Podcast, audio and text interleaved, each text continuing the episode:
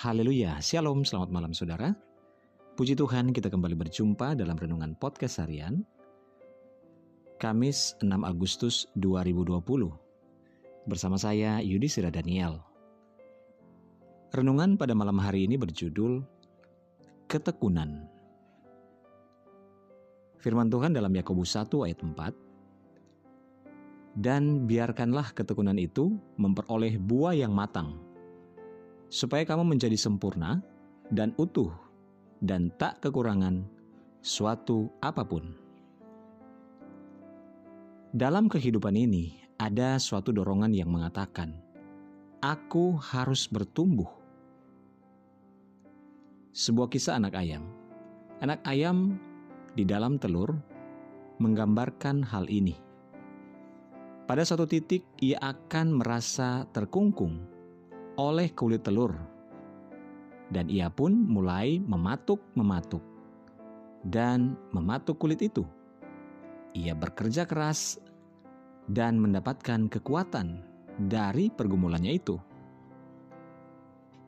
Kesabaran dan ketekunan itu diperlukan untuk berhadapan dengan lingkungan yang baru yang segera dihinggapinya begitu kulit telur itu retak terbuka. Apa yang terjadi jika ada orang yang berusaha menolongnya dengan meretakkan kulit itu sebelum waktunya? Ia akan membunuh anak ayam itu karena telah melumpuhkan kemampuannya untuk menghadapi suasana baru. Tahap kehidupan yang baru dan pertumbuhan selalu mengandung resiko resiko atau harga untuk sesuatu kemerdekaan.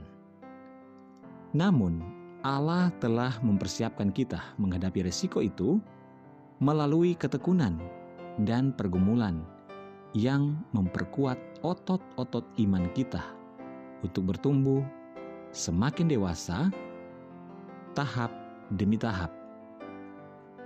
Kalau kita mau berjuang, kita akan tetap bertahan dan akan tetap bertumbuh. Itu semua tergantung pada kita. Mengapa kita memerlukan ketekunan? Ujian dalam hidup ini muncul secara tak terduga dalam setiap kehidupan kita. Kita ditantang untuk selalu siap. Orang yang tidak siap melihat kesulitan sebagai rintangan. Ia akan kalah dan frustrasi namun sebaliknya, orang yang bersikap melihat kesulitan sebagai peluang, ia akan menggunakannya untuk memperkuat iman dan mengembangkan karakternya. Tantangan dan pencobaan hidup itu tak terkalahkan.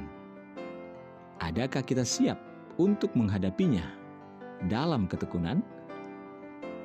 Saudaraku, Kesabaran menghadapi tantangan hidup tidak diperoleh dalam sekejap mata. Akan tetapi, dikembangkan dengan tekun terhadap segala sesuatu, tahap demi tahap. Haleluya! Selamat beristirahat dalam perlindungan Tuhan. Damai sejahtera Kristus memerintah dalam hati, dan pikiran kita. Tetap semangat, tetap sukacita dalam Tuhan. Tuhan Yesus memberkati.